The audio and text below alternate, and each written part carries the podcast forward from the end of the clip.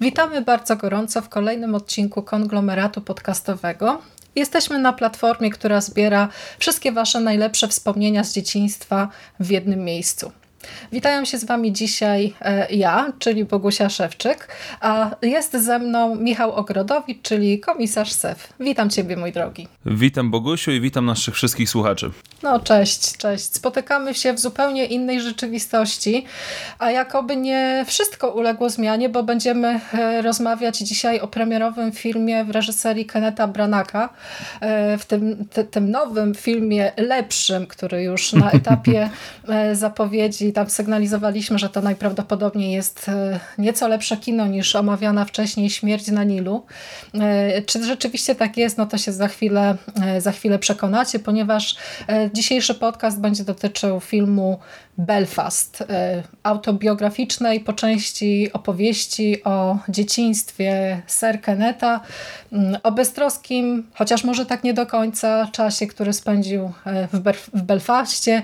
Jest to pewnego rodzaju rodzaju takie podsumowanie nostalgiczne dzieciństwa, taka laurka, którą Sir Kenneth y, wystawił, przygotował dla, dla swojej rodziny i dla tych czasów, które już y, minęły i raczej, raczej nie wrócą.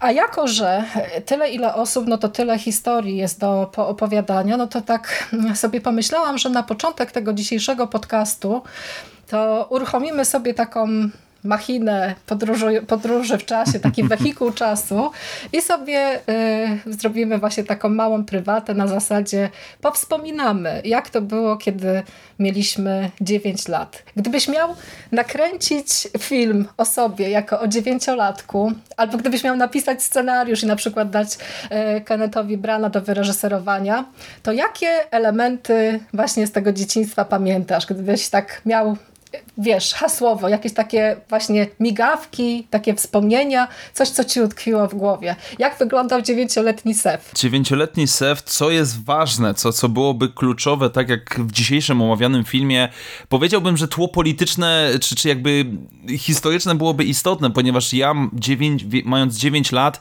to był rok 2001, więc w pewien sposób to był początek XXI wieku e, w Polsce, która gdzieś gdzieś tam zaczynała, to czy już w jakiś sposób przechodziła na ten tryb wolnorynkowy, no już można powiedzieć, że e, jakby początek to był pojawianie się jakichś korporacji, technologii, e, i, i, tak dalej, więc zakładam, że tak jak w dzisiejszym filmie e, na przykład emigracja była niezwykle ważnym tematem, tak powiedziałbym, że w moim, nazwijmy to też byłoby to samo, mhm. ale w, z mojej perspektywy, jakby z tej perspektywy dziecięcej to byłaby powiedziałbym, pewnego rodzaju fascynacja przede wszystkim technologią, a grami komputerowymi, czy też ogólnie rzeczami, które mogły być absolutnie fascynujące, czyli e, pojawianie się coraz nowszych, powiedzmy, czy robiących wtedy niesamowite wrażenie filmów, gier komputerowych, które no, z dzisiejszej perspektywy już absolutnie są starociami, ale wtedy um, były takim oknem na świat bardziej rozbudowany, na coś innego um, i to byłoby najważniejsze, więc, uh, więc jakby doskonale w pewien sposób rozumiem uh, poprzez to pytanie, co Kenneth chciał pokazać w tym filmie i, i co wydaje mhm. mi się bardzo dobrze mu wyszło, um, ale byłoby niezwykle ciekawe, bym powiedział. Nawet nie mówię z mojej perspektywy, tylko mimo wszystko, no początek XXI wieku w Polsce um, to jest, to jest temat, na który, którym można spokojnie robić filmy. Jasne. i mam nadzieję, że coś z tego kiedyś wyjdzie, ale dziewięcioletni Sef głównie fascynowałby się nowymi, nowymi grami czy, czy, czy rzeczami, które były dla niego czymś nowym zupełnie. No właśnie, a rodzinna sytuacja? Dorastałeś w rodzinie wielopokoleniowej, czy e, nie, nie. nie znaczy, masz, ja, nie ja miałem, ja byłem, że tak powiem, osobą, która e, tutaj jakby nie było mm, jakby jakichś relacji bardzo rozbudowanych powiedzmy między pokoleniem dziadków, rodziców mhm. e, e, czy dzieci, więc nie było też jakiegoś licznego kuzynostwa, które też widzimy w Belfaście chociażby dzisiaj, więc e, nie, to byłoby raczej, raczej standardowa historia, która opierałaby się no właśnie na tych pewnego rodzaju przemianach społecznych, które odzwierciedlają się e, w rodzinie, na przykład powiedzmy historyczny moment, czyli pierwsze podłączenie internetu w domu wow. I, i, ten, i ten skrzeczący, piszczący modem za każdym razem, kiedy się włączało i powiedzmy 30, 30 minut przeglądania internetu, bo, bo jeszcze wtedy cena była tak. no, dosyć zawrotna, więc, więc to raczej na tej zasadzie Ewentualnie kolejny wątek, który można byłoby wrzucić, to konfrontowanie się rodziców, jak wychować dzieci, powiedzmy, w nowym, nowej otoczeniu, w nowej sytuacji, więc, um, więc no, sądzę, że chyba każdy z nas, każdej historii naszego życia, nieważne czy ktoś jest starszy czy młodszy, dałoby się znaleźć. Um, właśnie jakieś takie elementy związane, no bo życie rodzinne przeplata się z tym, co się dzieje dookoła, czy nam się to podoba, czy nie, w większym tak. czy mniejszym stopniu, więc, um, więc sądzę, że każdy z nas miałby ciekawą historię do opowiedzenia. No właśnie, jeśli chodzi o e, moje wspomnienia z dzieciństwa, to też jest e, sporo takich wątków, które gdzieś tam się e, pojawiają właśnie na zasadzie takich migawek, bo ja sobie zdaję sprawę z tego, że z perspektywy dorosłej osoby bardzo często gdzieś tam idealizujemy te nasze właśnie wspomnienia związane z mhm. dzieciństwem, mhm. gdzieś, te, gdzieś te wszystkie rzeczy, które nam przychodzą do głowy, to są właśnie takie momenty szczęścia, jakiejś takiej ogromnej radości. Ja akurat akurat dorastałam w rodzinie y, wielopokoleniowej, bo mieszkaliśmy z babcią y, i pamiętam właśnie bardzo dokładnie takie sytuacje, kiedy moja babcia y, na przykład czytała mi godzinami książki. Nie tylko, wiesz, mhm. jakieś tam wier, wierszyki, jak byłam młodsza, tylko później, jak, jak, już, jak już dorastałam i na przykład była do przeczytania jakaś lektura szkolna, to spędzałyśmy ten czas właśnie tak, że ona całymi popołudniami po prostu wertowała książkę i czytała i czytała, a ja, ja ciągle miałam właśnie taki głód, że więcej, więcej więcej i jeszcze więcej. E, pamiętam moją mamę, która mm, zawsze jak wychodziła mm, po zakupy do miasta, to wracała z jakąś książką, więc gdzieś tam ta literatura, e, za każdym razem, to tak było. E, gdzieś ta literatura była w tym moim życiu już od, od właśnie najmłodszych wspomnień, tych najwcześniejszych, to gdzieś tam zawsze przypominam sobie się, siebie, jak siedziałam i coś oglądałam, jakąś książkę, wertowałam mm. kartki. Natomiast jeśli miałabym przywołać jakieś takie właśnie idealne wspomnienie, taki moment szczęścia, nie jestem pewna, czy to byłoby rzeczywiście w chwili, kiedy miałam 9 lat. Wydaje mi się, że to było trochę wcześniej, ale pamiętam dokładnie takie sceny, bo my mieliśmy w domu y, rzutnik. Y, ja znalazłam nawet model tego Aha. rzutnika, taki, on się nazywał rzutnik Ania i ten rzutnik miał takie rolki e, z filmami, z różnymi bajkami, które się wkładało, właśnie tam mm -hmm, montowało mm -hmm. i kręciło i można je było wyświetlać właśnie i czytać na, e, na jakiejś tam właśnie ścianie na przykład. No to ja kojarzę takie momenty, że e, strasznie e, marudziłam, że chciałabym, żeby już było ciemno, bo kiedy robiło się ciemno, to u mnie w domu zasłaniało się takie ciężkie, grube, tak, wielkie tak, tak zasłony tak, na meblościance, takiej wiesz, PRL, wieszało się prześcieradło białe i siadaliśmy wszyscy razem właśnie i robiliśmy sobie takie sesje z tymi z tymi obrazkami, z tymi, z tymi historiami. E, I to były właśnie takie momenty no, szczęścia absolutnego, tak z perspektywy właśnie e, dziecka, jakie teraz sobie wspominam. I pamiętam też, jakbym miała e, opowiedzieć swoją historię obrazami i wykorzystać ją właśnie do jakichś tam powiedzmy filmowych tutaj projektów, to na pewno musiałby się w takiej historii pojawić fotel bujany. To jest też właśnie taki, taka, e, taka oaza spokoju w dzieciństwie, właśnie coś takiego, co mi się kojarzy z tym, e, z taką beztroską i z pewnego rodzaju poczuciem bezpieczeństwa, więc gdzieś tam, gdzieś tam te obrazy. A i jeszcze pamiętam Commodore 64 też, to tak a propos tych twoich... A propos gier. A propos gier, tak, tak. To pamiętam właśnie jak, jak mi tata kupił mi pod choinkę. Wcześniej jeszcze mieliśmy Atari też te, te czarne takie mhm. skrzyneczki mm -hmm. z wbudowanymi grami. Super to było. No, te, e, Commodore też pamięta właśnie to, jak trzeba było długo czekać, żeby się gra załadowała, a pod koniec na przykład wyskakiwał jakiś błąd i, i, i wszystko szlak trafia i trzeba było od nowa i, i, i nie można było grać. Także gdzieś tam, no, gdzieś tam y, te, tego typu rzeczy y, przyszło mi do głowy, jak, jak sobie pomyślałam o, o swoim dzieciństwie. No, o dzieciństwie pomyślał też właśnie Kenneth Brana i e, już przechodząc do tematu, do tematu odcinka, no to on sam mówi o filmie Belfast jako o takim projekcie, który dojrzewa w nim prawie 50 lat, bo to jest e, taka historia, którą Kenneth Branagh chyba bardzo, bardzo mocno chciał opowiedzieć i to się czuje w tym filmie, że on miał tam gdzieś właśnie głęboko w umyśle e, potrzebę e, udokumentowania swojego dzieciństwa właśnie i, i zaprezentowania tego, tych dramatycznych wydarzeń, które w Belfaście w tamtym czasie się działy, też z, z perspektywy dziecka. Ale zanim przejdziemy do do tego wszystkiego, z czego składa się e, ten film, z czego składa się Belfast, to, to powiedz mi, czekałeś na tę premierę? To znaczy tak, e, tytuł ja poznałem, czy zobaczyłem jakieś 2-3 miesiące temu y, w postaci traileru. I, i kiedy tylko mhm. zobaczyłem na trailerze E, no ja, ja mam trochę słabość do czarno-białych kolorów. Jeżeli film jest czarno-biały, to od razu przyciąga moją uwagę, e, bo, bo zazwyczaj to jest dowód na to, że jest to raczej coś lepszego, chociaż nie zawsze. E, no ale w momencie, kiedy widzę mm, Judy Dench na, na trailerze, która, która Oj, gra tak. kogokolwiek tak naprawdę oraz Y, piosenka, która dobrana została do teledysku i która potem była wykorzystana w samym filmie, czyli Everlasting Love e, i, mm -hmm. i mhm. motyw społecznych niepokojów z perspektywy dziecięcej i tak dalej, no to to jest coś, co niemal na, na pewno bym poszedł i tak naprawdę ja dopiero um, ogarnęłem, że do, dopiero po obejrzeniu samego filmu skumałem, ile ten film jest nominowany do Oscarów, że on w ogóle jest gdzieś tam brany pod uwagę, więc nawet nie, nie, nie patrzyłem z tej perspektywy, tylko po prostu coś, co rzeczywiście zapowiadało się na laurkę, tak jak wspominałaś, i który jest laurką. I, i to absolutnie e, będzie plusem, ale też w niektórych momentach powiedziałbym minusem dla niektórych, więc e, tutaj, jeżeli ktoś z Was jeszcze nie widział tego filmu, to warto to zaznaczyć bardzo mocno. To jest bardzo prywatny projekt. Niektóre rzeczy mogą mhm. być niezrozumiałe, mogą być dziwne, a nie do końca powiedziałbym filmowe. E, co, co bardzo czuć na kilometr momentami, ale o tym będziemy za chwilę więcej mówić, ale i tak, um, i tak czekałem i tak. Ja chyba e, pomyliłam w ogóle, bo w ostatnim czasie wchodziły dwa, wchodziły do kin dwa czarno-białe filmy.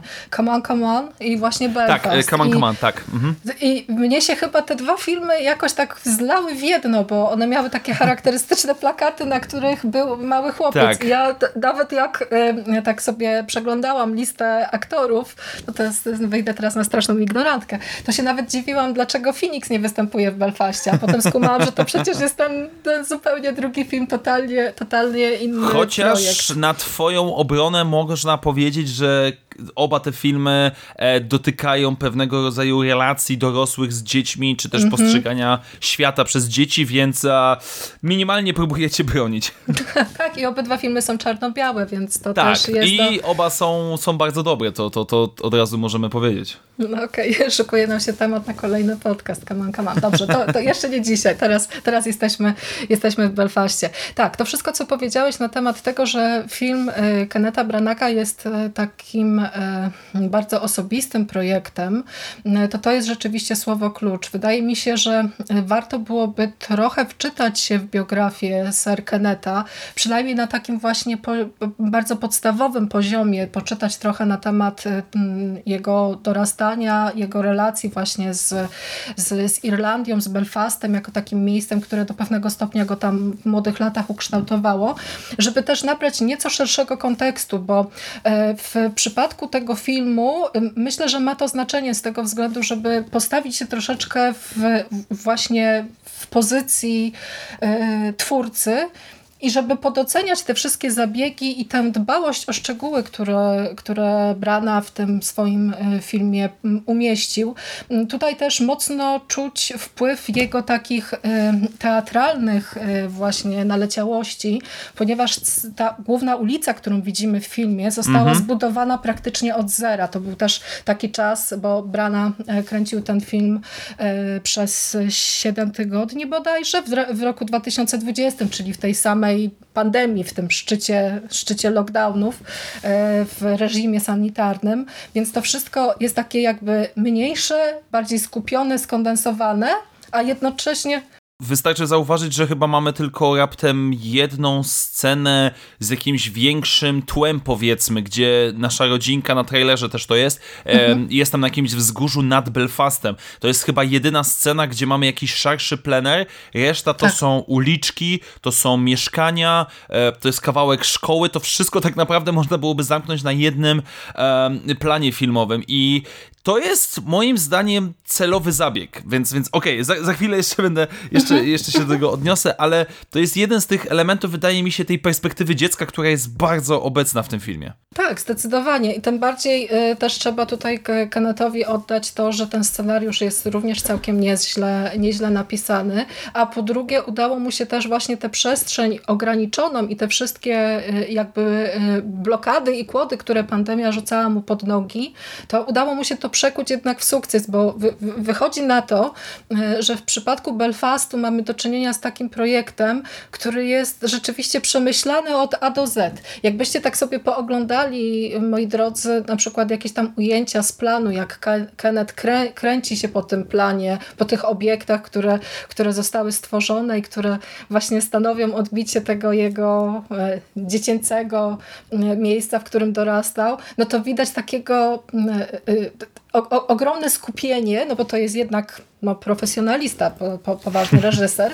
a z drugiej strony jest taki rodzaj jakiegoś wzruszenia i, mm, i oczarowania, no bo to wszystko co on miał w pamięci na zasadzie właśnie jakichś takich pojedynczych scen urasta do, rang, do rangi ogromnego projektu. Ogromnego sercem, ale małego, jeśli chodzi właśnie o te e, środki, środki wyrazu. No dobra, to tak. Y, Belfast ma bardzo dużo nagród na swoim koncie. Ma siedem nominacji do Oscarów, między innymi w kategorii najlepszy film, najlepsza aktorka drugoplanowa, najlepszy aktor drugoplanowy, najlepszy reżyser, najlepszy scenariusz.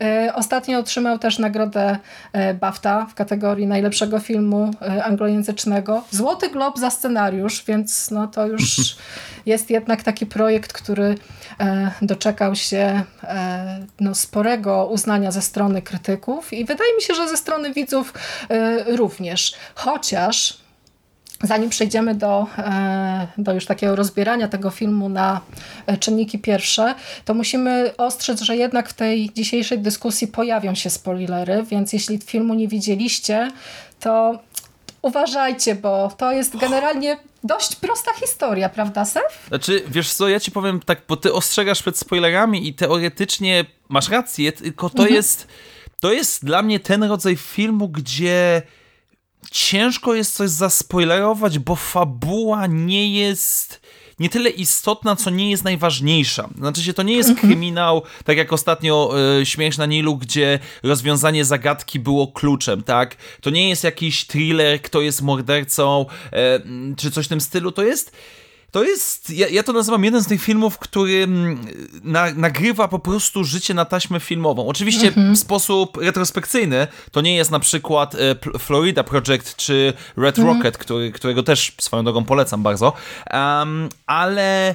E, to nie, nie, fabuła, to jak się kończy ten film nie jest istotne, to nie jest kluczowe, to nie jest tak, że na końcu filmu przeżyjecie olśnienie, tylko to, w jaki sposób jest nam przedstawiana ta historia, w jaki sposób jest opowiadana i jak na wielu, z wielu perspektyw można na nią patrzeć, bo do tej pory teraz mówiliśmy, że e, to jest film prywatny, że to jest film, no, znaczy w cudzysłowie prywatny, intymny, mhm. gdzie reżyser, scenarzysta chciał opowiedzieć swoją historię, ale jednocześnie udało mu się opowiedzieć historię, powiedziałbym, bardzo uniwersalną na wielu, wielu płaszczyznach Czy przypadkiem wątpię? Zak zakładam, że raczej zrobił to specjalnie i, to jest coś, co mnie strasznie chwyta w tym filmie, więc, więc, się, jak będziemy rozbierać na kawałki, to ja tutaj mam kilka rzeczy, która niesamowicie mnie rzuca się w oczy i bardzo szybko wychodzimy, powiedziałbym, z tego filmu z perspektywy dziecka, raczej z perspektywy człowieka, który był kiedyś tym dzieckiem i zmieniały mu się kąty widzenia, bym powiedział. Więc spoilery no będziemy spoilerować, ale moi drodzy, absolutnie to nie jest jakieś straszne, bym powiedział. Tak, bo to w założeniach jest rzeczywiście bardzo, pro, bardzo prosty film, e, bardzo prosta historia i każdy, kto trochę rzeczywiście wie na temat e, biografii Kenneta Branacha i, i biografii wielu ludzi, którzy, którzy żyli wtedy w Belfaście, no to tutaj ten finał opowieści można przewidzieć, jak to, jak się tam dalej losy bohaterów e, potoczą. Ja też jestem, to już na samym początku chcę zaznaczyć, że jestem szalenie zaskoczona tym, jak bardzo ten film jest inny od Śmierci na Nilu. Ja się podczas seansu podczas seansu łapałam bardzo często na tym, że musiałam sobie przypominać, że to jest ten sam reżyser, że to też jest Kenneth Branagh, bo to jest e, zupełnie, zupełnie inna, totalnie rozczulająca i trochę sentymentalna historia, E, a jednocześnie przedstawiona właśnie w takiej mikroskali. I e, już teraz mogę powiedzieć, że z mojego punktu widzenia Belfast jest jednym z najlepszych filmów Kenneta Branaga tak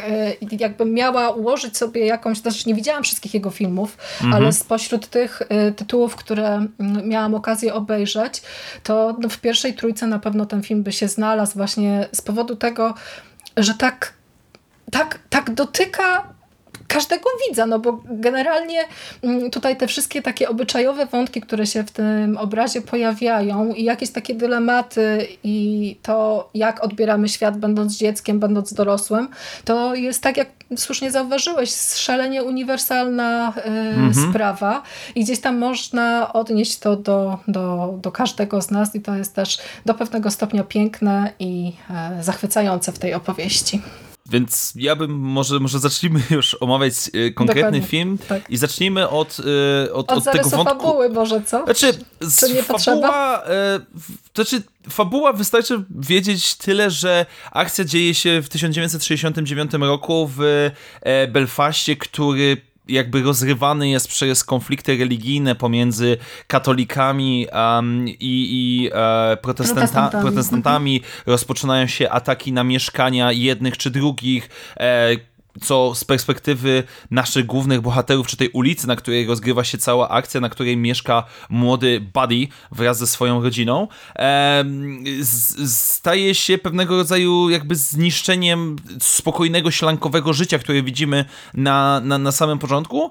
I widzimy to przede wszystkim z perspektywy właśnie Badiego, dziewięcioletniego chłopaka, który znany jest na całej ulicy, któremu można powiedzieć usta się nie zamykają, który ma bujną wyobraźnię, który uwielbia kino, który jest po prostu fajnym, dziewięcioletnim, sympatycznym chłopakiem, którego ciężko jest po prostu e, nie lubić. I jakby przez jego oczy um, widzimy zarówno e, te powiedzmy problemy społeczne, ekonomiczne, gospodarcze, jak i o wiele poważniejsze problemy, na przykład e, pierwsza dziewczyna, mm -hmm. czy, mhm. też, e, czy też powiedzmy e, co zrobić, żeby należeć do tych fajnych dzieciaków, więc to jest główne założenie z tej pierwszej, powiedziałbym, warstwy, czyli właśnie, um, czyli właśnie dziecięcego widoku. I tutaj chciałbym zwrócić uwagę e, na jedną rzecz, która bardzo szybko mi się e, rzuciła w oczy, mianowicie montaż, jak i również e, sposób opowiadania historii, ja to nazywam jest bardzo dziecięcy. Bardzo. Bo tak jak, tak jak tak. wiemy, że zazwyczaj dzieci potrafią w ciągu minuty cztery razy zmienić temat i zacząć, nie skończyć, przeskoczyć do następnego i tak dalej, Mhm. Dokładnie, dosłownie widać to tutaj szczególnie na początku, kiedy najpierw jesteśmy, powiedzmy, gramy w piłkę, za chwilę idziemy do domu, potem po domu jesteśmy w szkole i to jest, to, jest, to jest jeden z tych przykładów, dlaczego ten film nie wszystkim może podejść, bo jest właśnie w ten sposób skonstruowany. Mamy ukazanie tego, że za chwilę zapominamy o czym się stało. Nawet jeżeli przed chwilą była jakaś, nazwijmy to, dramatyczna sytuacja, mhm. mniej lub bardziej, Buddy za chwilę jest w szkole i on, powiedzmy, robi maślane oczy do swojej dziewczyny i stara się nauczyć lepiej, powiedzmy, żeby, żeby siedzieć koło niej, więc to jest niezwykle ważne, żebyście, drodzy słuchacze, pamiętali o tym i byli tego świadomi, że co jest, to jest właśnie film opowiadany z perspektywy dziecka, co ma swój urok, ale może w pewien sposób wymykać się takiemu standardowemu sposobowi opowiadania historii. No ja myśląc o tym scenariuszu, to też przyszło mi do głowy właśnie coś takiego, że jest to taki zbiór y, właśnie wspomnień, takich migawek, mm -hmm, bo mm -hmm. jakby y, przyjrzeć się tak wnikliwiej scenariuszowi, to właśnie z powodu tej perspektywy dziecka i z powodu tego, że nie wszystkie rzeczy dokładnie pamiętamy, to mamy właśnie takie scenki rodzajowe z, z ich życia, bo tutaj istotą świata, centrum świata świata naszego głównego bohatera Badiego jest właśnie, tak jak wspomniałeś, ta ulica, na której rozgrywa się tam duża część e, scen mm, oraz jego rodzina, jego najbliżsi, jego otoczenie. E, I to właśnie te sceny, kiedy tam na przykład rodzice sobie rozmawiają albo kiedy po szkole biegniemy do dziadków, mm, mhm. to e, one nie zazębiają się z sobą tak bezpośrednio na zasadzie związku przyczynowo-skutkowego wytłumaczonego tak, w fabule, tak.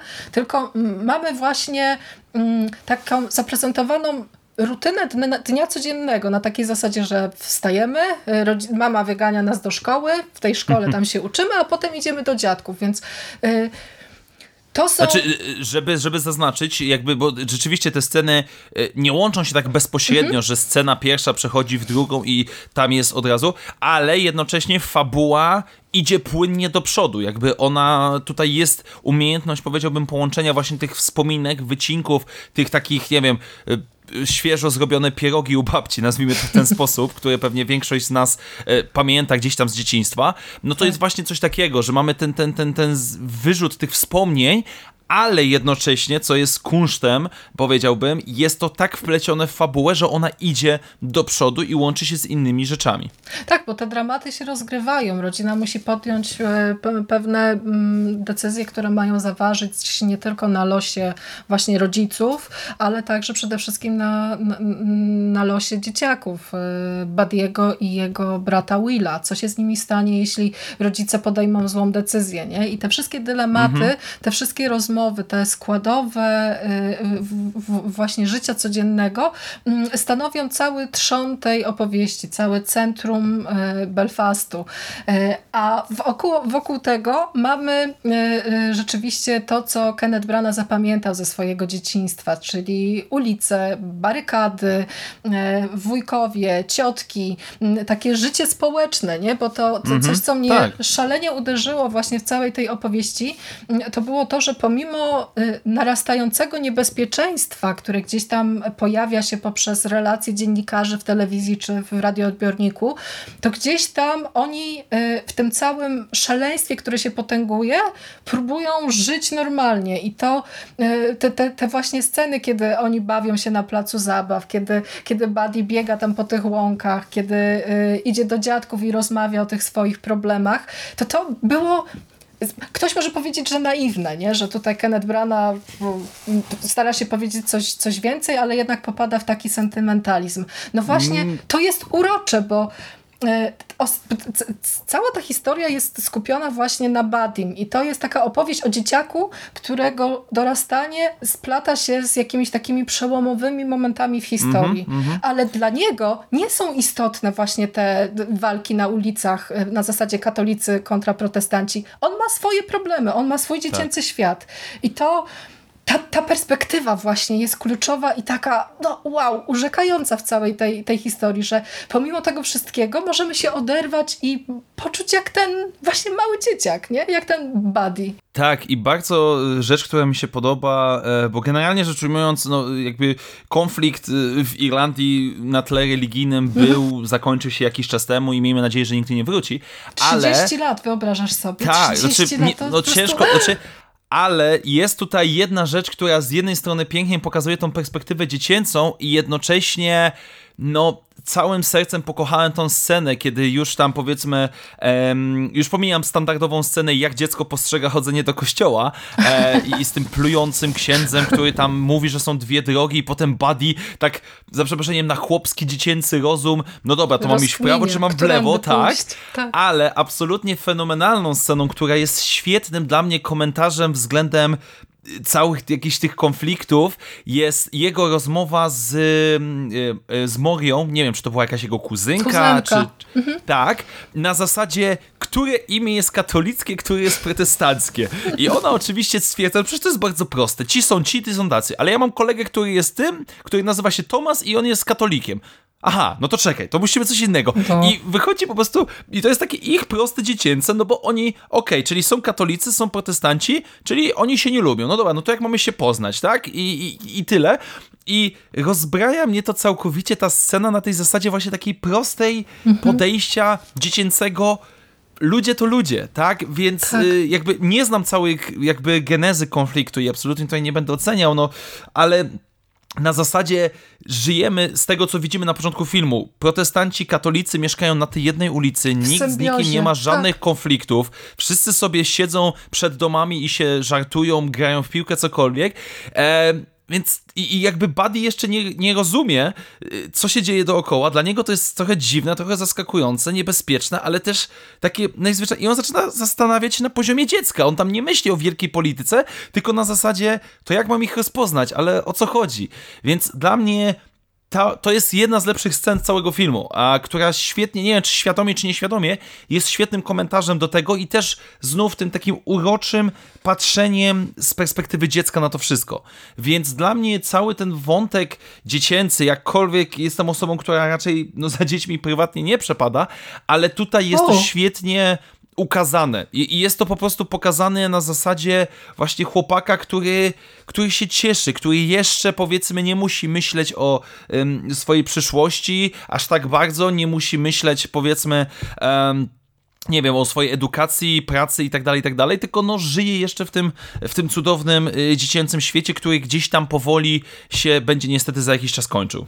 Znaczy, mnie w Belfaście podobało się również to, że Kenneth Branagh e, e, udało mu się e, uniknąć epatowania tym całym konfliktem, bo w momencie, tak, kiedy tak. przeczytacie sobie na przykład krótki zarys fabuły, że mamy historię dzieciaka, 69, zaczynają się The Troubles w Irlandii, te walki na ulicach, to sobie zaczynamy wyobrażać rany, jaki to będzie film.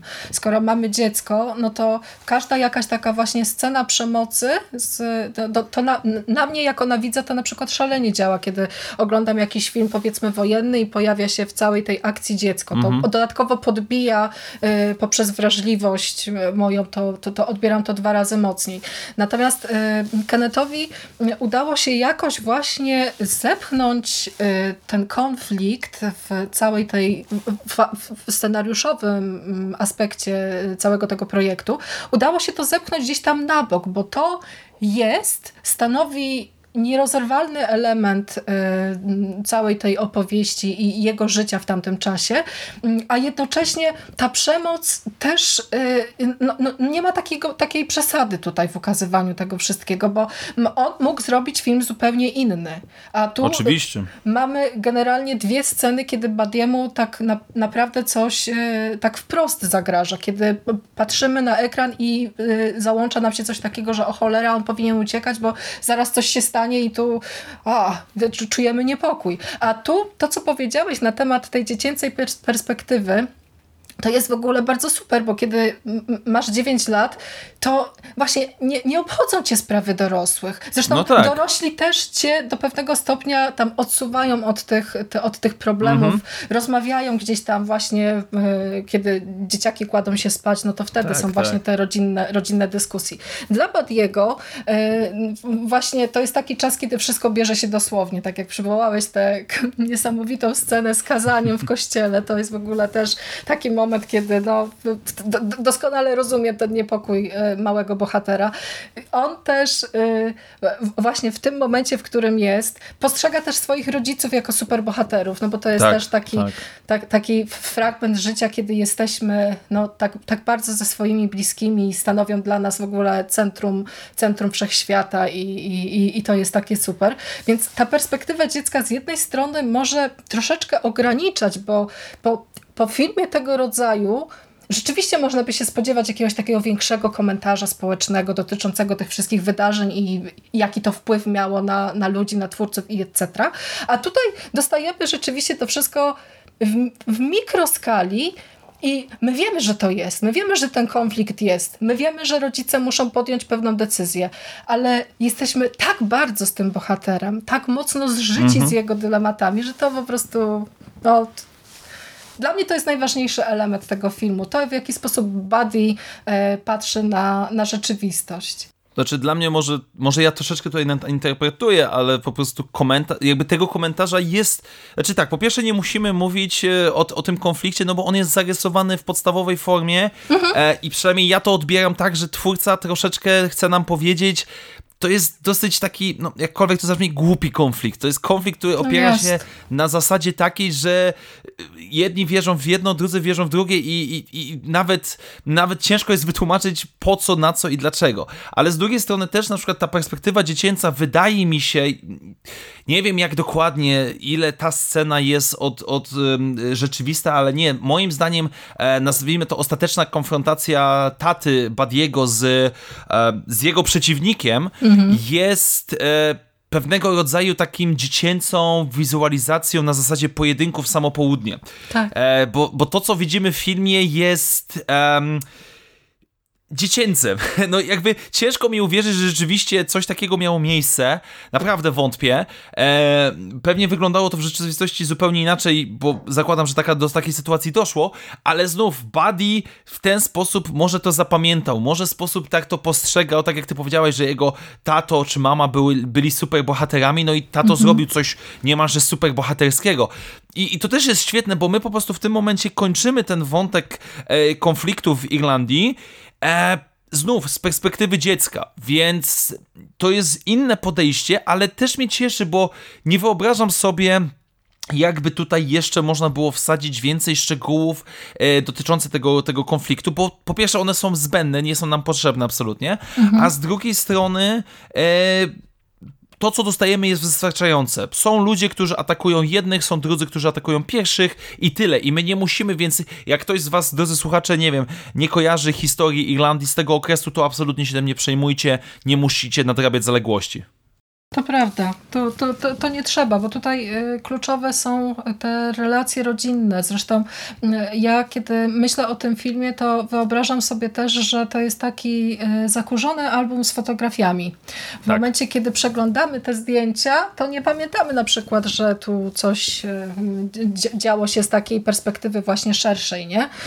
Na, mhm. na takiej zasadzie, że to zdjęcie było zrobione dnia tego, kiedy tam był jakiś zamach. Po, po prostu skupiamy się na tym, co jest dla nas nas ważne, a dla Badiego i dla Serkeneta najważniejsi są najbliżsi i to, co, to, co y, dzieje się wokół, wokół niego, te wszystkie y, relacje rodzinne, bo sposób, w jaki zaprezentowana została tutaj właśnie ta wielopokoleniowa rodzina y, i w takim właśnie jakimś szerszym ujęciu y, takie życie społeczne, bo Badiego w zasadzie wychowuje cała społeczność. Ci ludzie, Cała którzy, ulica, tak. tak. Ci ludzie, którzy są w, y, jego sąsiadami, których mija na przykład codziennie rano albo popołudniami, jak właśnie walczy ze smokiem, no to zawsze na tej ulicy znajdzie się ktoś, który, kto zapyta go, ej, już pokonałeś tego smoka, bo u mnie w domu też tam jakiś jest, to możesz przyjść i mi pomóc, nie? To jest, to jest urocze, to jest piękne, tak, tak. a jednocześnie jest to też rzeczywiście obraz y, takiego świata, którego już nie ma, nie? Bo gdzieś tam y, to sam Branat opowiada o tym, że ta, pomysł na ten film um, zakiełkował w nim tak bardzo mocno właśnie poprzez y, te całe doświadczenie związane z lockdownem, to odseparowanie od, od mhm. ludzi, to, że jesteśmy sami z sobą, więc jest to też tak, że y, taka właśnie laurka, takie wspomnienie, taki taka opowieść ku czci takiego właśnie życia społecznego, które może już nie wrócić, bo mm, żyjemy w takich czasach, w jakich żyjemy, więc gdzieś tam różne ryzyko się pojawia. A cały obraz tej, tej ulicy i tych związków właśnie między ludźmi, jak oni tam sobie tańczą, śpiewają, jak tata Badiego mhm. Mm, opowiada dowcipy y, wszystkim na ulicach. Każdy zna każdego, każdy się o, o, o drugą osobę troszczy i to jest wszystko właśnie takie piękne i bezinteresowne. To mm, no, bardzo rozczulający obraz. Ja nawet nie spodziewałam się tego, że na, na takim poziomie to, to, to, to, to zadziała na mnie tak mocno, że aż w paru momentach po prostu no, wzruszenie będzie brało górę, nie? że sobie dzieciak Ale... biegnie ulicą i ludzie go pozdrawiają. Nie? Super. Ale to jeżeli już mówimy o rzeczach, których się nie spodziewaliśmy, e, ja byłem bardzo pozytywnie zaskoczony, bo chciałbym teraz przejść jakby do tej drugiej warstwy, kolejnej warstwy tego filmu, mhm. a mianowicie jak bardzo ten film jest o nie tylko dziecku, ale też o rodzicach, o pewnego rodzaju problemach, wyzwaniach życia, nazwijmy to małżeńskiego, tak? Bo wątek e, mamy i taty, oni nawet chyba się nie nazywają w żaden konkretny sposób, mhm. e, jest absolutnie rewelacyjny, bo nie mamy absolutnie tutaj do czynienia z jakąś idealną rodzinką. E, na szczęście twór, e, reżyser nie postanowił tutaj wybielić swoich rodziców za bardzo. O, no bo trochę mamy... wybielił. Znaczy, Jacy ale... oni są piękni wizualnie. Ale no nie no, no, no bo no, Jamie Dornan nie jest piękny ogólnie rzecz ujmując, ale e, chodzi mi o to, że mamy pokazane ten konflikt między nimi niestety związany z pieniędzmi, z tym, że ojciec kiedyś miał problemy z z, z, z długami, z jakimś hazardem mhm. i tak dalej. I mamy pokazany niesamowicie ludzki sposób, powiedziałbym w pewien sposób, um, problem emigracji zarobkowej. Problem tego, że Oj, ktoś tak. z rodziny musi gdzieś wyjechać. I ja kilka razy byłem w takim lekkim szoku, bo e, co chwilę mamy pokazane, że e, tato przyjeżdża na weekend do domu i mówi, mhm. że no widzimy się za dwa tygodnie i absolutnie mnie to rozwala, bo jestem święcie przekonany, że wielu, wielu e, Polaków w, nasz, w moim wieku mniej więcej może pamiętać, jak nasi rodzice, czy tam wujkowie, czy ktoś też wyjeżdżał w ten sposób do, nie wiem, Niemiec, Wielkiej Brytanii i co dwa, trzy tygodnie ewentualnie wracał na weekend. Ja sam e, tak, tak pamiętam swojego teścia, który, który też przez pewien czas wyjeżdżał w ten sposób i to jest niesamowicie pokazane, bo z jednej strony przechodzimy z tej perspektywy dziecięcej do perspektywy w pewien sposób ludzi dorosłych. Jak mamy te spotkania, gdzie mama i tata siedzą w takiej napiętej sytuacji, bo mhm. wiedzą, że no zegar tyka, że na przykład trzeba gdzieś pojechać, że się nie zobaczą, że te pieniądze gdzieś tam trzeba odkładać i tak dalej, i tak dalej. Niesamowicie mi się to podoba. Po prostu coś pięknego. Moment, kiedy y, tato wyznaje, że tak naprawdę to ty ich wychowałaś, nie ja. Oj, tak. No świetne. Znaczy, tutaj rzeczywiście może jest troszeczkę tego pudrowania, ale w pewien sposób. Um, pokazanie tej trwałości związku. Ja w ogóle się nie spodziewałem, że w tym filmie dostanę drugi film, który pokazuje, jak małżeństwo może sobie radzić, nazwijmy to, z problemami, z zamieszaniami, niepewnością, zmęczeniem, wkurzeniem i tak. I to jest rewelacyjnie zrobione. To po prostu jest, strasznie mi się podoba, a to jak zostaje podsumowane w scenie e, tanecznej powiedzmy z mhm. piosenką Everlasting Love, którą swoją drogą Jamie Dornan śpiewał sam osobiście, jest piękne. I, jest absolutnie fenomenalne i, i, sprawia, że z jednej strony widzimy film z perspektywy dziecka i możemy wspominać swoje dzieciństwo, ale również niektórzy z nas mogą patrzeć na to jako swoje, nie wiem, obecne czy ewentualne przyszłe doświadczenie. Więc ja jestem zachwycony, jak udało się to w pewien sposób e, tutaj zaprezentować. No ja się też zastanawiałam, na ile właśnie ta osobista perspektywa Keneta będzie rzutowała na to, czy ten film będzie miał w ogóle jakiś taki uniwersalny wydźwięk, bo to też y, mogła być taka produkcja, w której po prostu y, opowiadam o sobie i się tym zachwycam. Mhm. A tutaj y, jednak poprzez te, te, te takie komentowanie rzeczywistości Branat udowadnia, że jest też nie tyle dojrzałym twórcą, co niektóre mm, swoje wspomnienia przepracował i wyciągnął wnioski. To jest też, tak. Mm, to jest też takie spojrzenie na zasadzie, że ja dorosły próbuję powiedzieć swojemu dziewięcioletniemu odpowiednikowi, że słuchaj mały, nawet jeśli wszystkiego nie rozumiesz, to jest ktoś, kto nad tobą czuwa. Właśnie ta rodzina. Mhm. Właśnie y, tak. ta rodzina, która pełni taką istotną funkcję, bo sam Branat mówi, że gdyby jego rodzice nie zdecydowali się wyjechać z Belfastu, no to nie byłby tym człowiekiem, którym jest teraz. Nie gdzieś tam te Oczywiście. wszystkie decyzje, które pojawiały się mm, w jego życiu, dokonywane przez dorosłych, no bo był wtedy jeszcze małym chłopcem, to wpłynęły na to, jak y, on teraz w tym świecie funkcjonuje. A jednocześnie szalenie też podoba mi się to, że nie tylko rodzice są najważniejsi. Tutaj też pojawiają się dziadkowie. Dziadkowie, którzy, mm, którzy są takim właśnie miłym, cieplutkim kocykiem. Starym, dobrym małżeństwem. Starym, dobrym tak. małżeństwem. Tak. I te relacje, no, oczywiście to, to, to, ja zdaję sobie sprawę, że niektóre sceny mogą być istotnie troszeczkę e, właśnie tak jak to pięknie określiłeś, upudrowane i takie no, przeidealizowane, ale to jest właśnie taki obraz rodziny, który no, bardzo do mnie przemawia, bo oni są z sobą na dobre i na złe. W momencie, tak. kiedy dziadek się rozchorowuje, no to babcia, nawet jeśli rzucała mu e, parę scen wcześniej kąśliwe uwagi, no to mówi wprost, że ja cię zawiozę do tego szpitala i ja cię, I ja cię stamtąd odbiorę. I ja cię stamtąd odbiorę. No przecież to jest urocze. A jednocześnie też e, to jest taki obraz, e, którego nie widujemy już za często, nie? bo to gdzieś tam patrząc właśnie na to, co wspomniałeś, na tę emigrację zarobkową, to gdzieś tam te więzy rodzinne się jednak rozluźniają, zostajemy pozostawieni sami sobie, a tutaj jest też takie poczucie obowiązku, nie? poczucie tego, że mhm. jestem odpowiedzialny za kogoś i nie mogę tych ludzi zawieść. To super. Znaczy, tak, i, i właśnie jakby a propos babci, jakby, i, i tutaj jakby muszę przejść, wybacz Bogusiu, ale muszę przejść Proszę. do tego, co mnie najbardziej zachwyciło w tym filmie, bo on można powiedzieć, że jest z perspektywy dziecka o życiu dziecka, o wspomnieniach. Można powiedzieć, że jest o, o, o życiu dorosłych, o, o miłości, o trudach małżeństwa i tak dalej. Tylko mhm. dla mnie z całego tego filmu i co sprawia, że on jest tak rewelacyjny, ale też uniwersalny, jest, jakkolwiek to głupio zabrzmi, czasami konieczność wyjścia ze swojej, jakkolwiek, no głupio zabrzmi, strefy komfortu. Strefy komfortu. Że świat, że świat e, się zmienia, że świat idzie do przodu i my musimy czasami podjąć pewnego rodzaju decyzję, czy chcemy spróbować czegoś innego, bo my tutaj mamy przez cały film, nam się ciągnie z jednej strony znane, bezpieczne, ale stagnacyjne miejsce, którym mhm. jesteśmy obecnie i coś innego, ryzykownego, niepewnego, ale dające nam jakąś szansę. I tutaj to, jak ci bohaterowie podchodzą do tego, jest świetne, no bo mamy z jednej strony tak, zaczynamy od dziadka, który swoje w życiu widział, swoje podróżował i który jest tym takim wesołym dziadkiem, sprzeciwstawiony przeciwko powiedzmy babci, która no jest już, no powiedzmy, powiedzmy zapuściła korzenie, mhm. siedzi i absolutnie nie wyobraża sobie, żeby stamtąd ruszyć. Później mamy tatę, który chce ruszyć dalej, bo chce zmienić coś dla swojej rodziny, ale mamy mamę, która też się po prostu po, zwyczajnie po ludzku boi, co nie jest, Oj. nie ma w tym nic dziwnego, innego.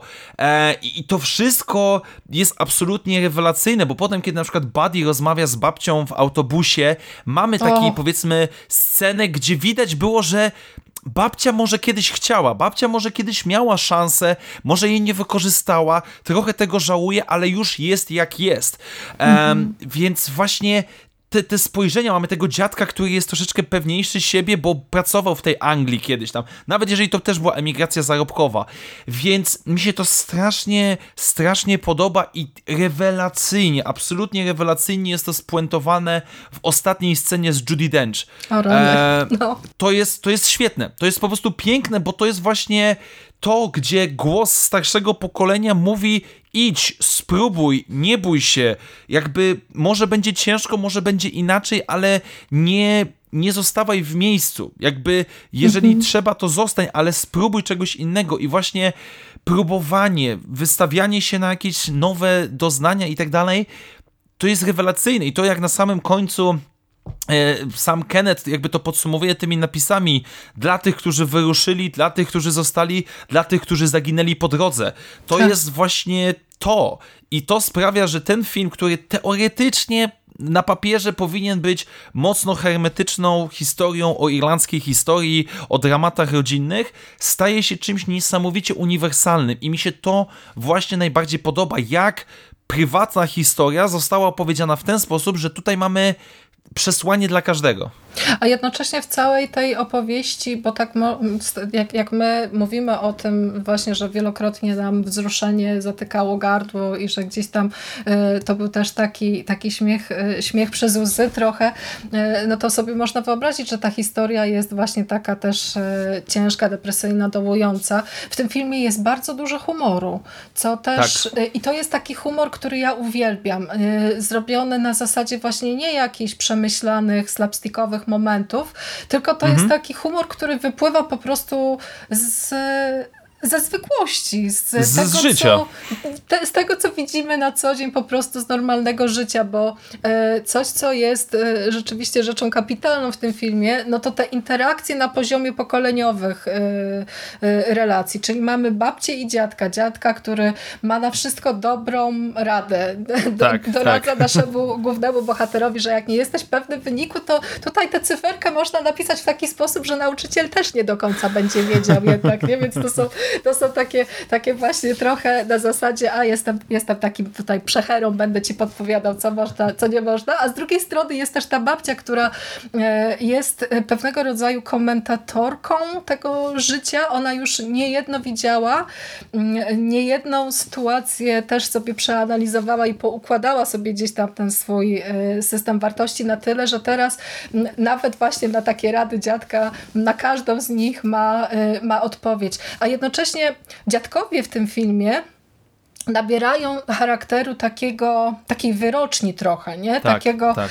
M, mm, takiego elementu, który y, mówi temu naszemu Badiemu, jak w rzeczywistości jest, bo y, mnie szalenie y, wzruszyła rozmowa, y, każda rozmowa dziadka z Badim to jest w ogóle małe, mhm. małe perełki, bo tam mm, tyle prawd życiowych, trochę naiwnych, to trzeba przyznać, ale jednak, jednak prawdziwych i takich, które można odnieść do, do, do, do prawdziwego życia, ale ta rozmowa w szpitalu, kiedy kiedy dziadek mówi, mm -hmm. że mhm. wiesz, y, Belfast jest w tobie. Jeśli y, odejdziesz, to i tak będziesz wiedział skąd pochodzisz.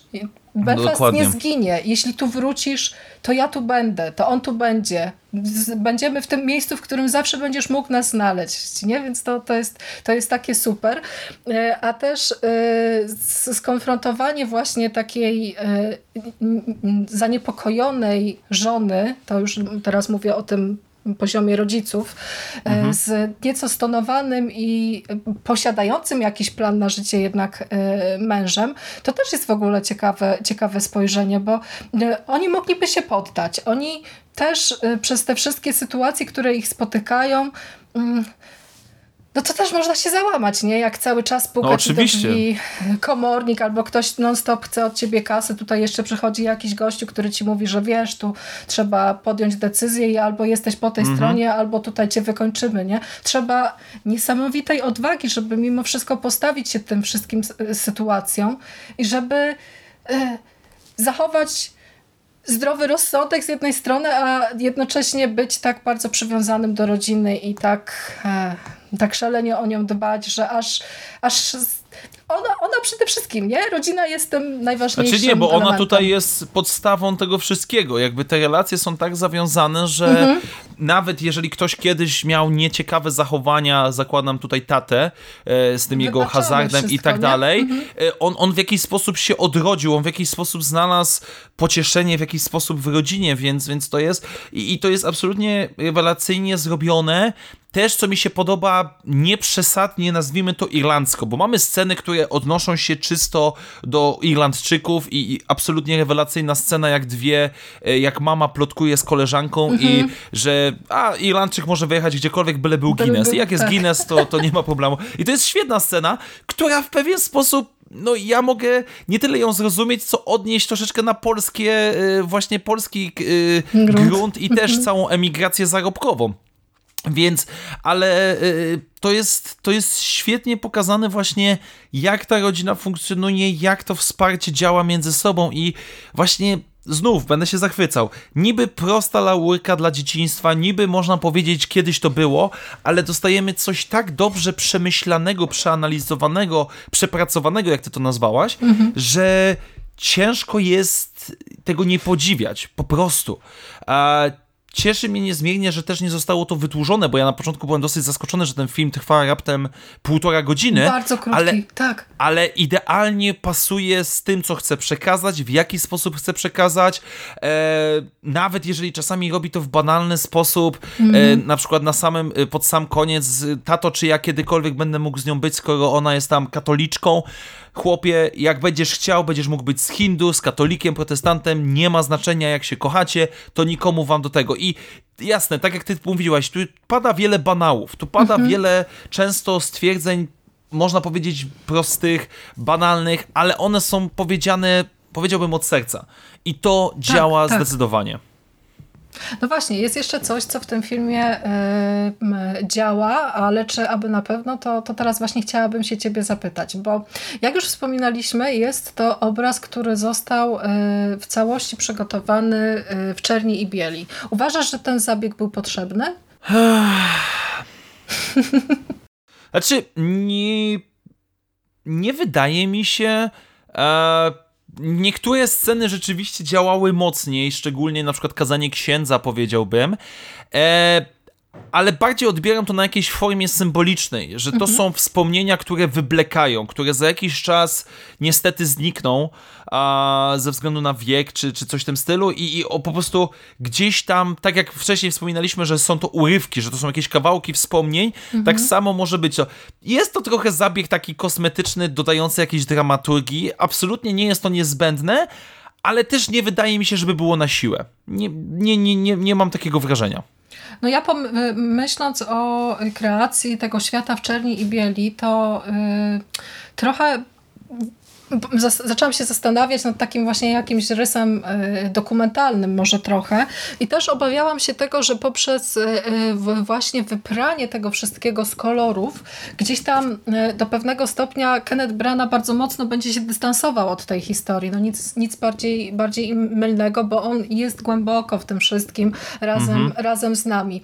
Jednak ta czerń i biel nabiera sensu w momencie, kiedy do świata Badiego e, przebijają się rzeczy kolorowe, bo jest e, w tym e, filmie bardzo ciekawy zabieg polegający na tym, że świat naszego dziewięcioletniego bohatera nabiera kolorów, kiedy obcuje z filmem, kiedy wybiera się z babcią tak. do teatru. To było tak, tak, tak, tak genialne zagranie, bo to, Ale to, na to prostej jest... metodzie, nie? że masz tak. scenę czarno-białą, cały film jest czarno-biały, a w chwili, kiedy siedzimy przed telewizorem, to to, co się jest akurat wyświetlane, jest w kolorze. Albo kiedy idziemy do teatru, to w szkłach, w okularach Judy Dench odbijają się ci bohaterowie i oni są kolorowi.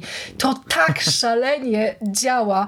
To jest też takie bardzo może nie odkrywcze, bo już wcześniej mieliśmy przecież na przykład w liście Schindlera y, użyty ten sam zabieg, że jakieś mm -hmm. tam czerwone elementy y, były podkreślone i też na, na zasadzie tam tych czarno-białych kadrów to było wyraźne i to, to, to widzieliśmy, więc tutaj Kenneth Branagh Ameryki nie odkrył, ale wydaje mi się, że jest to tak bardzo przemyślany i świadomy zabieg, że no, to działa, to szalenie działa, bo y, ten świat y, takiej codzienności i tych y, zwykłych życiowych problemów jest gdzieś tam właśnie taki ponury, czarno-biały, pomimo tych chwil szczęścia i radości. Natomiast Buddy jest zauroczony właśnie filmem, jest zauroczony teatrem. To są te momenty, kiedy on po prostu to jest jego okno na świat, to który jakby świat. To, jest, to jest światełko w tunelu kolorowe, do którego, no zakładając, że to jest film pseudobiograficzny, będzie mm -hmm. do mhm. niego dążył i jakby um, z tego, co kojarzę, z tego, co czytałem, nawet te filmy, które widzimy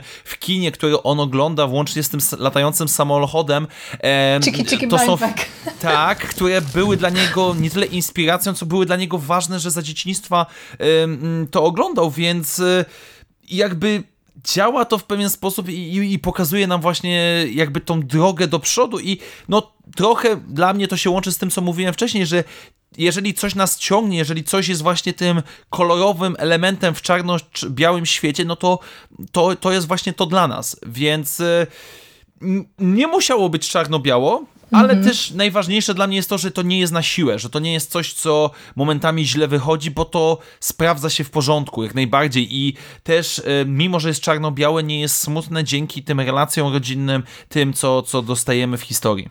No a jednocześnie to są też e, faktycznie takie kolejne e, dowody na to, jak ta rodzina jest ze sobą zżyta, bo no, nie sposób e, zachować kamienną twarz w momencie, kiedy właśnie oni idą do kina, oglądają film o latającym samochodzie i tak się właśnie wszyscy na tej scenie, jak samochód spada z urwiska i zaczyna fruwać, to oni się wszyscy tak naprzód tam pochylają po prostu i tak reagują właśnie bardzo, bardzo żywiołowo na, e, na to, co się, co się dzieje na ekranie. Ja tutaj odnalazłam e, dość głośne echa w tym, w tym Belfaście takiego innego filmu, który stanowi pochwałę miłości do kina, czyli Cinema Paradiso. Mm, mhm. I to jest też, to, to niektóre sceny, kiedy Buddy ogląda film właśnie z tak zrozdziawioną buzią i z tymi takimi wielkimi oczami, to to są po prostu cytaty wprost z tamtego projektu Giuseppe Tornatore, który jest też właśnie taką historią no, rozkochania, e, rozkochania w filmie, a jednocześnie taką opowieścią o dojrzewaniu i to mm, w dosłownym aspekcie, w każdym aspekcie. E, także to, jeśli moi drodzy nie widzieliście, to Cinema Paradiso no, gorąco polecam, przepiękny, przepiękny film, a potem można to też właśnie odnieść do niektórych scen w Belfaście. Na pewno znajdziecie tutaj e, analogię i gdzieś tam wyda Wam się to wszystko e, znajome i takie też e, bezpieczne. No dobra, to tak chwalimy scenariusz, opowiadamy o tym, co w życiu Badiego jest najważniejsze, no to może trzeba by też powiedzieć trochę o aktorach bo e, to jest film, który przyniósł e, nominacje oscarowe dla aktorów drugoplanowych. Myślisz, że mają szansę Judy Dench i To znaczy tak, e, Judy Dench nawet bez Oscara, ona jest Oscarowa, jakby no, jest absolutnie rewelacyjna. Z tego co przeglądam, no też niestety w tym roku nie nadrobię wszystkich filmów Oscarowych, bo zawsze co roku staram się te przynajmniej główne. Z tego co patrzę, jedyne co mogę, Kirsten Dunst, która występuje w Psich Pazurach Judy Dench nie jest aż tak istotna w tej historii. Znaczy się tutaj nie miała aż takiego popisu, bym powiedział, mhm. fenomenalnego, chociaż z pięciu kandydatek widziałem tylko dwie, więc e, ciężko, ciężko jest mi odnieść. Bardziej jednak patrzyłbym na Sierrana Hinca,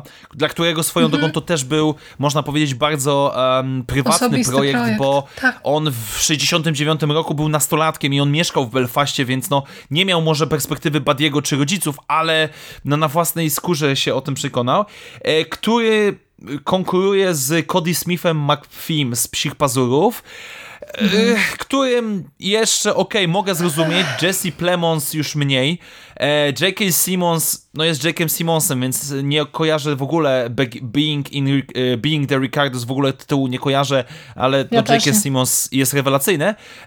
Koda z Troy Kotsur, z tego co czytam, e, też w ogóle nie kojarzę, więc e, ale prędzej dałbym Oscara Sierranowi Hintzowi niż mm -hmm. Judy Dench. Jakkolwiek ją uwielbiam, to tutaj dziadek może dlatego, serce. że miał troszeczkę, miał troszeczkę więcej czasu, tak może mniej więcej w, w, ten sposób bym powiedział. Natomiast zupełnym dla mnie zaskoczeniem, które skumałem dopiero po obejrzeniu, po, po zajrzeniu na film web, jest postać taty i Jamie Dornan, mm -hmm. którego chyba jedyny film, jaki widziałem, bez zaskoczenia, to jest, to jest 50 twarzy Greya.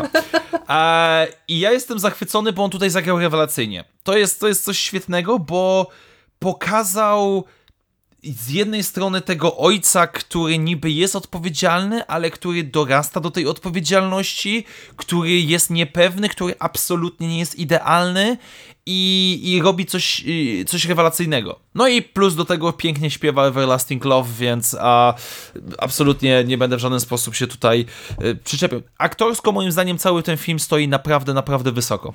Tak, to e, a propos e, Jamie'ego Dornana, no to trzeba powiedzieć, że to też jest aktor, który no, Belfast jest mu, jest mu bardzo, bardzo bliski. E, trochę się rehabilituje po tych 50 e, twarzach e, Greya, chociaż on zaczął z bardzo wysokiego C, bo Jamie Dornan zagrał w takim e, serialu e, The Fall, Upadek, Upadek. Gillian mhm. Anderson, gdzie był kapitalny. Co on tam wyprawiał? A właśnie teraz sobie przypomniałam, że cały czas nie widziałam trzeciego sezonu Upadku. A się zachwycam, nie? No dobra, spoko.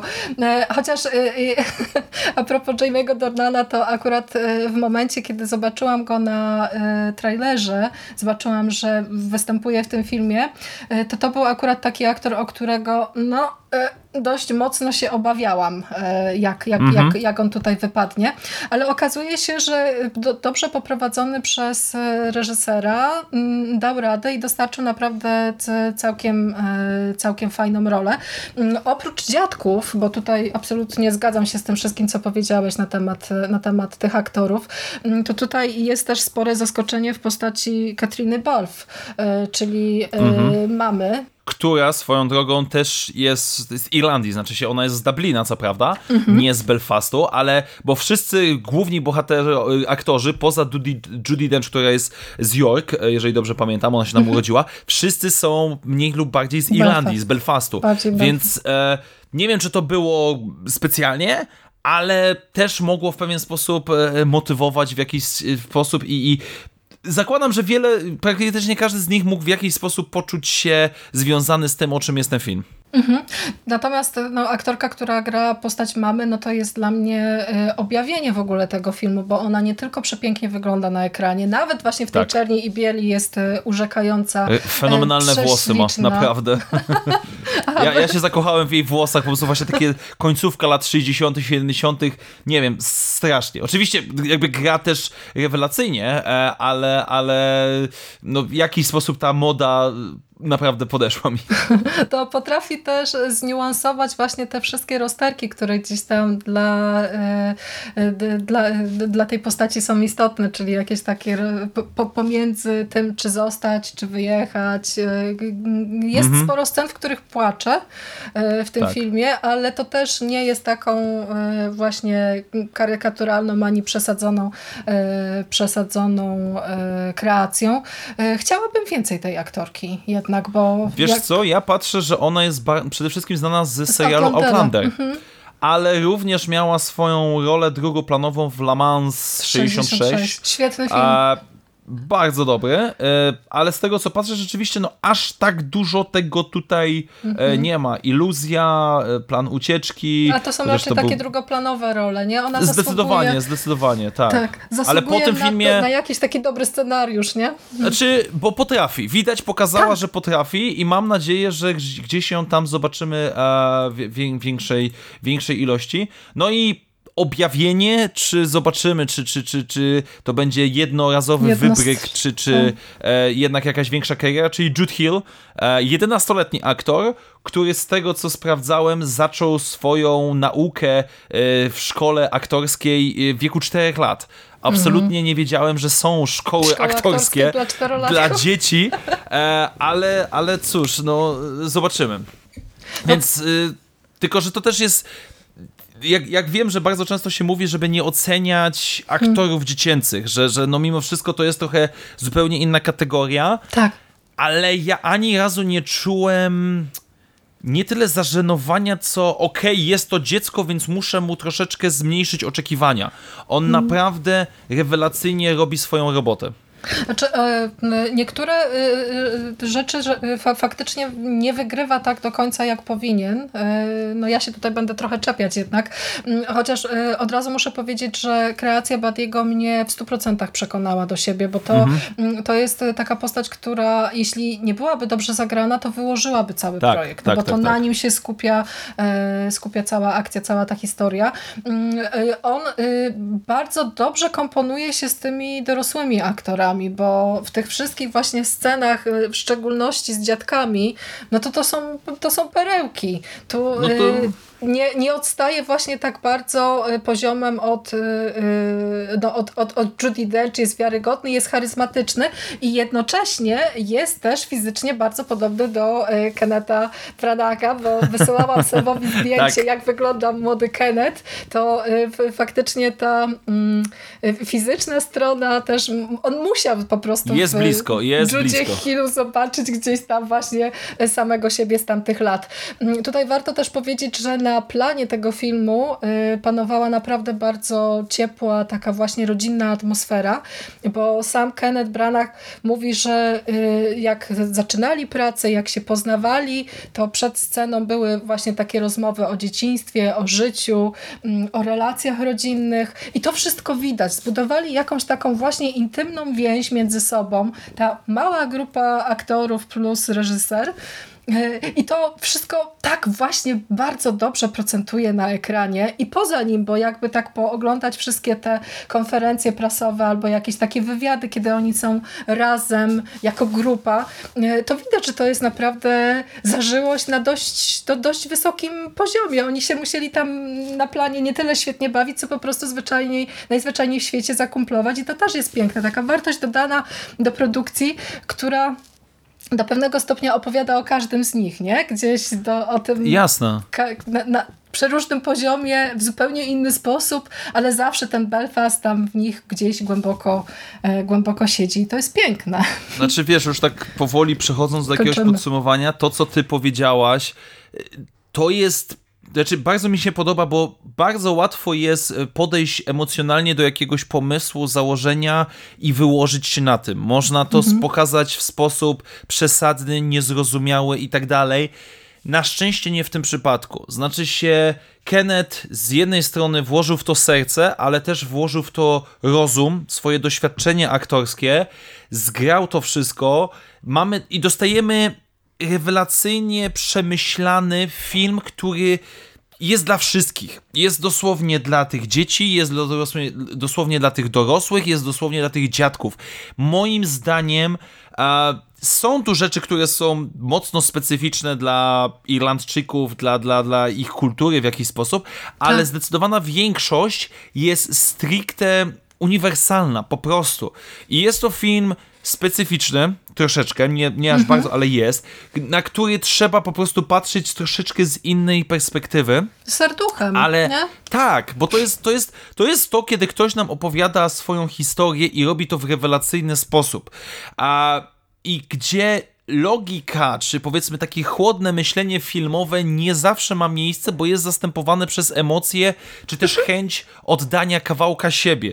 I tak. mogę totalnie zrozumieć, jeżeli ktoś nam w komentarzach napisze, że nie do końca, że ckliwy, że prosty i tak dalej. Będę to w stanie zrozumieć całkowicie, bo, bo nie jest też dla każdego ten film. Ehm, co jednocześnie niestety zakładam, chciałbym, ale raczej szans na to, że najlepszego filmu chyba nie zgarnie.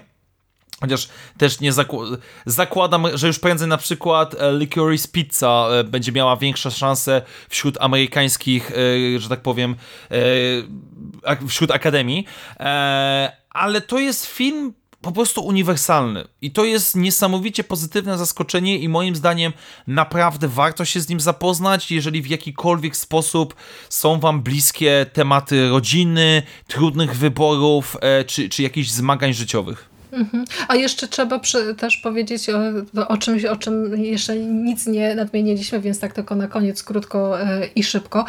E, o stronie technicznej, bo tutaj e, poza tą czernią i bielą mamy też sporo takich pomysłowych kadrów. W ogóle cała scena otwarcia tego filmu, kiedy widzimy takie mm, pocztówkowe wręcz ujęcia współczesnego Belfastu i ten moment, kiedy właśnie kamera unosi Przejście się nad murem. Nad mur. Tak, tak, tak. I prze, przenosimy się właśnie do tego 60 1989 roku, w którym też y, pomimo właśnie czarno-białych kadrów dzieje się sporo, bo to kadrowanie, ta praca kamery y, jest bardzo ciekawa. Ja jestem zaskoczona, że operator nie dostał nominacji Oscarowej. Dostali nominację za najlepszy dźwięk.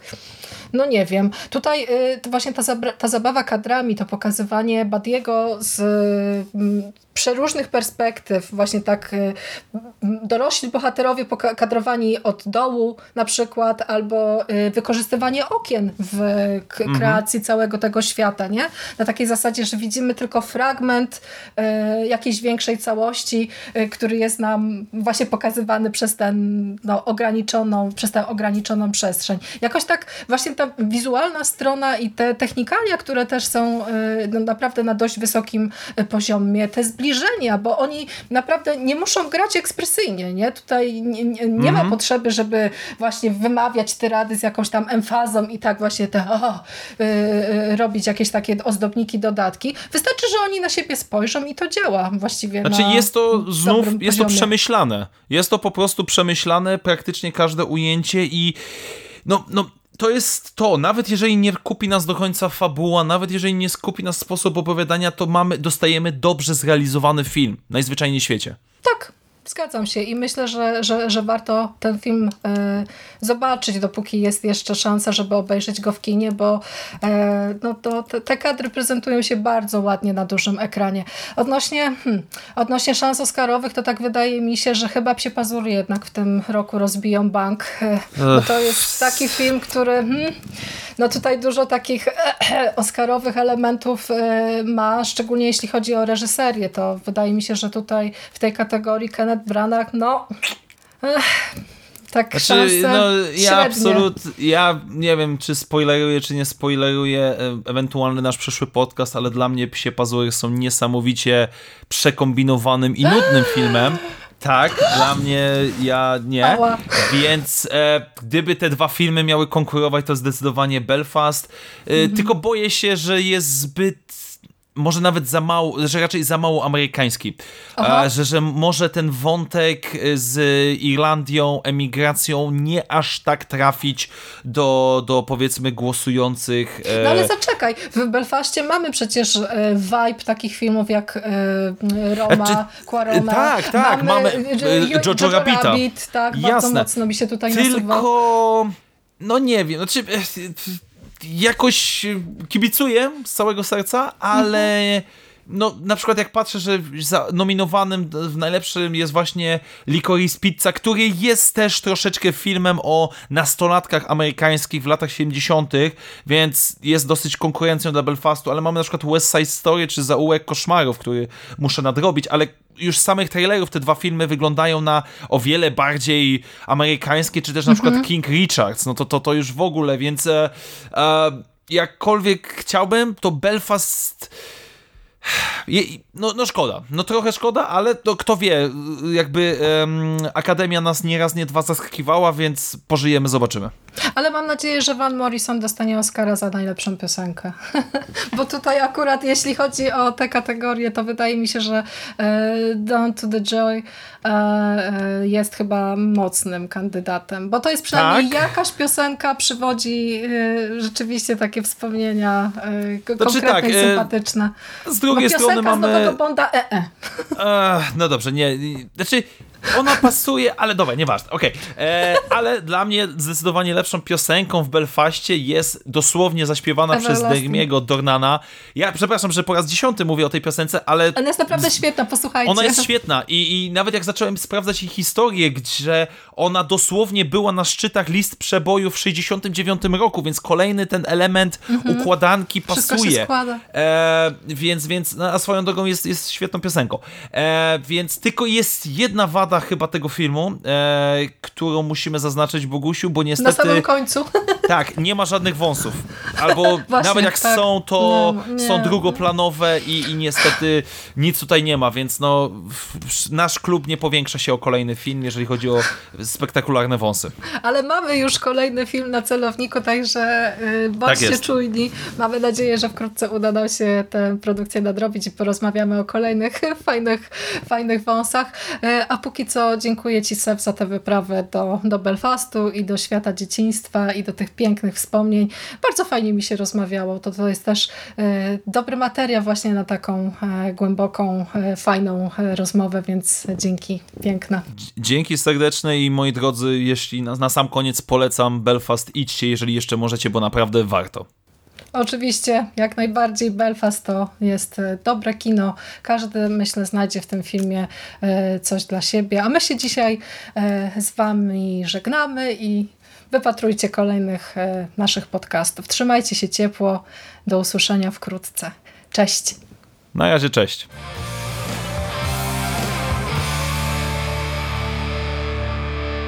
You finished? That's it, man. Game over, fuck are we gonna do now? What are we gonna do? It's over. Nothing is over. Nothing. You just don't turn it off.